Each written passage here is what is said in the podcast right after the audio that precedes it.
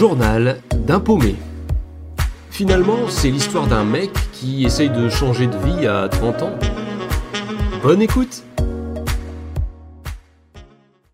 À la fin du lycée, au moment où j'avais fait mes vœux post-bac, il y a plusieurs choses euh, qui ont influencé ma manière euh, de préparer les années qui suivaient en fait. Tout d'abord, j'avais fait un stage euh, d'archéologie spontanément, en fait, euh, mes parents avaient un, contact et j'avais pu faire un stage pendant une semaine. Et ça m'avait permis bah, de découvrir le, métier d'archéologue. On avait euh, fait des fouilles, je me souviens, euh, dans un, ancien hôpital psychiatrique où il y avait des restes d'abbayes. Et le but, c'était de mettre ces restes en évidence pour éviter que les travaux qui étaient prévus dans cette zone bah, ne détruisent finalement ces vestiges.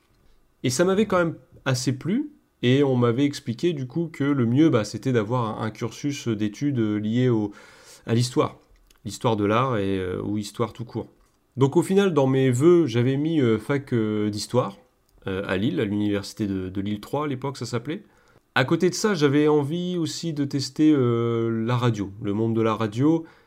Mais finalement, j'étais freiné par une chose quand même principale, c'était le fait de quitter mes parents d'aller vivre à Paris. Ça, j'avoue que ça m'impressionnait parce que l'école en question se situait. Euh, c'était pas à Paris même, je crois, c'était en région parisienne, mais ça impliquait que je quitte le foyer, que je me débrouille aussi pour avoir euh, de l'argent parce que l'école n'était pas gratuite et puis bon, bah, là-bas, il fallait quand même que je puisse subvenir à mes besoins.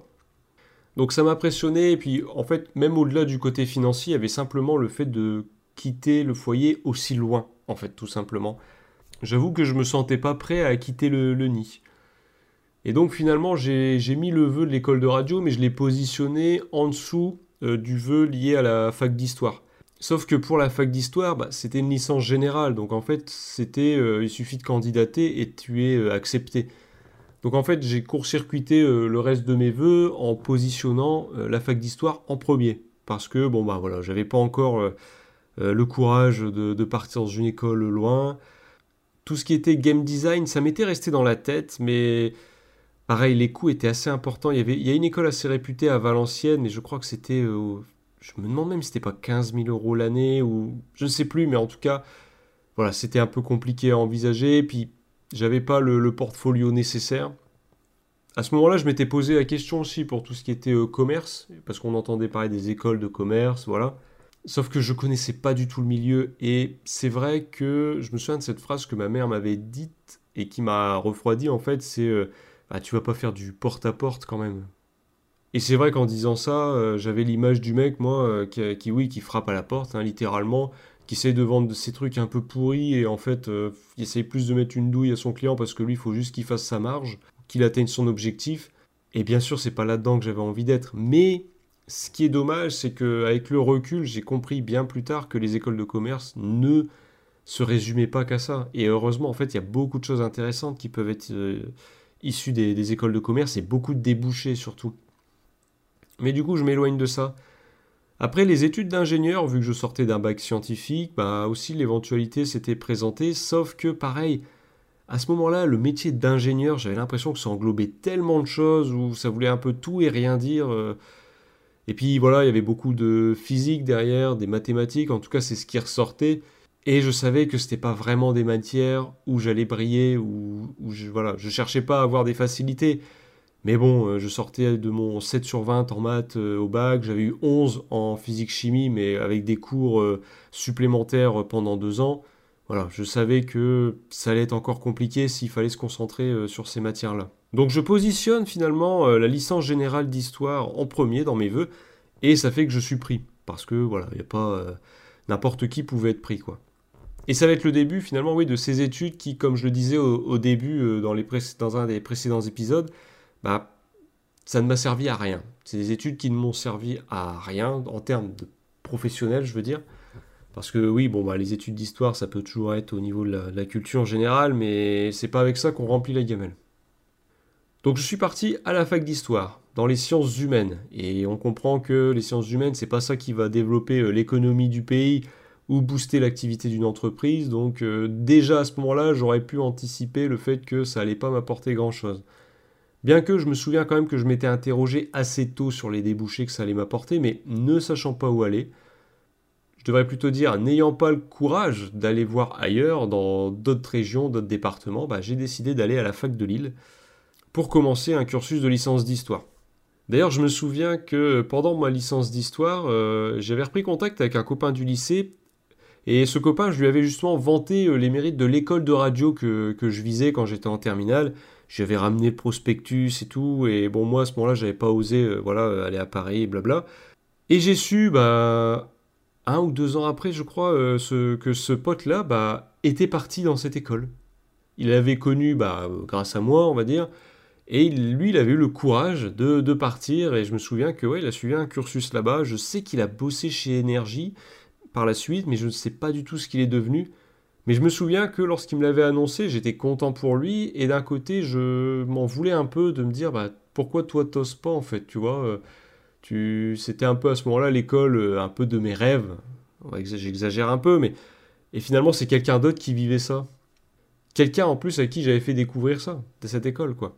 Donc bref, mais une fois lancé dans ma licence d'histoire, d'ailleurs, je me souviens une fois qu'on était arrivé, on avait eu euh, l'après-rentrée dans un grand amphi, et les profs nous avaient prévenus, hein, presque de, cette manière-là, c'était que Bon bah tout ce qui est intéressant, donc euh, vous voyez, entendez par là euh, les guerres, euh, les stratégies, l'Égypte antique, hein, les choses comme ça, les civilisations, ce qu'on peut imaginer finalement en étudiant l'histoire. Hein, bah voilà, tout ça, on le verra pas. À la place, ce qu'on va surtout voir, c'est l'histoire des ligues politiques contemporaines. Ça va être voilà, des choses vraiment, vraiment intéressante.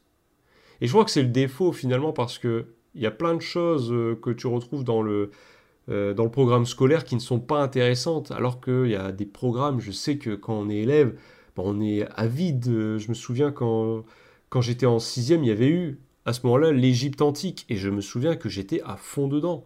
C'est dommage vraiment parce que tu vois l'histoire quand même entière que notre civilisation a, etc. Et ce qu'on en fait dans les programmes, c'est vraiment dommage, quoi. Quand tu penses que, pareil, euh, la civilisation, les civilisations en Afrique, ce sont tellement des choses qu'on ne connaît pas, même l'Amérique du Sud, l'Empire chinois, etc. On pourrait tellement plus creuser tout ça, mais bon, bref. Toujours est-il qu'en fac d'histoire, les cours principaux seront sur des sujets bah, assez chiants, hein, il faudra le dire. Il y a quelques options quand même. Notamment, bah, il y avait eu l'option Égypte, hein, mais tout le monde, et d'ailleurs la prof, je me souviens, nous avait dit, bon alors oui, chaque année, tout le monde veut y aller, mais vous serez que 20. Sachant que je crois qu'on était 400 euh, en première année de licence, 400 inscrits. Donc autant vous dire que les options n'étaient pas folichonnes. Je me souviens quand même d'un cours où là on étudiait le mode de vie dans la France médiévale. Le mode de vie des, villageois, des paysans. Et ça c'était intéressant. Parce qu'on vivait aussi, on vivait le cours grâce à un prof passionné qui nous avait même ramené une fois euh, du pain euh, qui avait été fait selon la recette de l'époque, etc. Donc c'était très interactif, c'était très intéressant. Et malheureusement, bah, ça se limitait à des options qu'on prenait euh, le temps d'un semestre. Enfin bref, je garde un bon souvenir finalement quand même de cette licence d'histoire. Mais oui, en réalité, ce ne sont pas des études très utiles. D'ailleurs, ce que j'ai remarqué, c'est lorsque j'ai été amené à recroiser euh, d'autres personnes qui avaient été étudiants en, histoire, bah déjà ils faisaient un métier qui avait rien à voir hein, euh, la plupart du temps, même tout le temps dans mes souvenirs. Et en plus, il y avait un peu euh, ce que j'ai remarqué, un peu ce concours de connaissances en histoire. dès que je recroisais un, mec ou, une fille qui avait fait des études en histoire et que le sujet de l'histoire arrivait, bah, il y avait un peu un, concours de euh, qui avait euh, le plus de connaissances. Enfin, de mon côté, je m'en foutais complètement. Mais il y avait, euh, voilà, des fois, dès qu'on pouvait caser une référence historique, par le caser le nom d'un roi ou une date avec une bataille, enfin, c'était quelque chose qui était très facilement mis en avant dès que tu discutais avec des anciens étudiants en histoire. Alors que moi, c'était vraiment pas mon délire plus que ça, quoi. En fait, l'histoire, c'était plus une passion à côté. Euh, à, travers des livres que je, que je me prenais, ou à, voilà, à travers euh, l'histoire familiale aussi. Enfin, voilà, c'était pas quelque chose après que je, cherche, que je cherchais à étaler. D'ailleurs, il y avait un, gros cliché en fac d'histoire, c'est qu'en général, tu croises toujours le fan de la Seconde Guerre mondiale et le fan de Napoléon. Et c'est vrai que deux de mes meilleurs potes en fac d'histoire, bah, partager ses passions. J'avais j'avais mon pote qui était fan de Deuxième Guerre mondiale, en particulier des chars, les chars allemands. Et l'autre pote qui était, lui, oui, un grand fan de, Napoléon, quoi. illustre admirateur. Enfin bref, la seule chose que ça m'a apporté au niveau de ces études, ça a été, oui, une culture en général assez, euh, assez sympa, mais avec les années, tu oublies plein de trucs que tu as étudiés. D'ailleurs, quelque chose d'assez chiant, c'est quand les gens savent que tu as fait des études d'histoire, et que tu es au milieu d'une discussion et qu'il y en a un, il se sent d'un coup euh, inspiré euh, d'un fait historique, mais qu'il lui manque certaines infos, bah, il va se tourner vers toi comme si tu étais euh, l'encyclopédie sur pattes qui allait pouvoir lui donner la date ou le nom de la personne qu'il recherche. Et bien sûr, en voyant que tu trouves pas forcément l'info que tu l'as pas, il y avait cette question qui arrivait, c'était bah t'as pas fait des études d'histoire toi pourtant? Bah euh, oui, mais euh, voilà, c'est pas parce que t'es cuisinier que tu vas savoir tout cuisiner. bref, je vais pas faire ça avec tous les métiers, mais c'est assez facile de comprendre que il y a plus, enfin, il y a des, des, sujets assez larges, on peut pas tout savoir. Enfin bref. Il y a eu quand même des cours assez intéressants et euh, moi ça m'a permis de découvrir la vie étudiante parce que même si je disais tout à l'heure que j'avais peur de partir à Paris, etc., eh bien je suis quand même finalement allé euh, à Lille et pour ça il me fallait quand même une chambre d'étudiant. Euh, il me fallait une certaine indépendance bien que, je le confesse, chaque week-end je rentrais et ma mère me préparait les courses pour la semaine à venir. Donc en fait voilà, je, je ne faisais pas grand grand chose en réalité pour euh, mon indépendance. Toujours est-il que, euh, ces années d'études, je comprends que ça ne va pas m'amener à grand chose, mais bon, maintenant que je suis là, bah, je me dis euh, autant terminer mon cursus, donc ma licence, et voir ce que je ferai après. Sachant que dès la deuxième année, on peut se spécialiser, je me suis dit, bon, l'histoire, ça va pas être folichon sur le CV, alors je vais prendre l'option administratif, donc c'était licence d'histoire et d'administration. Et ça me permettait en fait d'avoir un cursus plus général à côté. Donc là où j'ai commencé à avoir des cours euh, d'économie, des cours de finances publiques, euh, voilà, des cours d'administration française, en me disant que bon bah au moins j'aurais ce bagage-là. Mais dès le début, bah ça sent pas bon quoi cette histoire. Je prends un parcours administration. Je sais à quoi ça va m'amener et je sais dès le début que ça ne va pas me passionner. Mais je suis là, je sais pas trop où aller, je me dis que je suis encore jeune, à ce moment-là j'ai 19-20 ans, je me dis je vais finir ma licence, j'aurai que 21 ans, donc ça va, j'ai encore euh, tout le temps devant moi.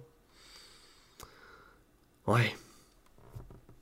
Et à ce moment-là, les alternances n'étaient pas autant développées qu'aujourd'hui, et je trouve vraiment que c'est une bonne chose qu'il y ait autant de cursus en alternance désormais, parce que rien ne vaut l'apprentissage d'un métier euh, sur le terrain en fait. Quel qu'il soit, hein, je me rends compte que... Il y a beaucoup de choses que tu apprends beaucoup mieux avec euh, bah, des personnes qui travaillent directement là-dedans et aussi en pratiquant plutôt que de toujours être en mode théorie-théorie. Alors c'est vrai qu'en histoire, niveau alternance, ça aurait été assez limité. J'ai quand même eu un stage d'administration pendant une semaine, euh, en dernière année de licence, et c'était super chiant. Je me souviens, je, je baillais, je me faisais vraiment... Euh, bah, je m'ennuyais vraiment, quoi. Mais bon, bah voilà, au moins je voyais un peu euh, le métier, ce qui m'attendait. Il y avait déjà, ouais, ce fatalisme un peu qui s'était emparé de moi. Et euh, bah, une fois ma licence obtenue, sans, enfin, sans trop de surprise, bien que j'ai quand même dû fournir pas mal d'efforts, bah voilà, j'ai décidé de m'orienter euh, vers un master. Un master qui poursuivait plus ou moins directement les études que j'avais déjà faites, dans le sens où je laissais de côté la partie histoire, finalement, pour m'investir pleinement bah, dans la partie administration. Alors est-ce que c'était un bon choix? Eh bien rendez-vous dans les prochains épisodes. Journal d'un paumé, raconté par le paumé en question.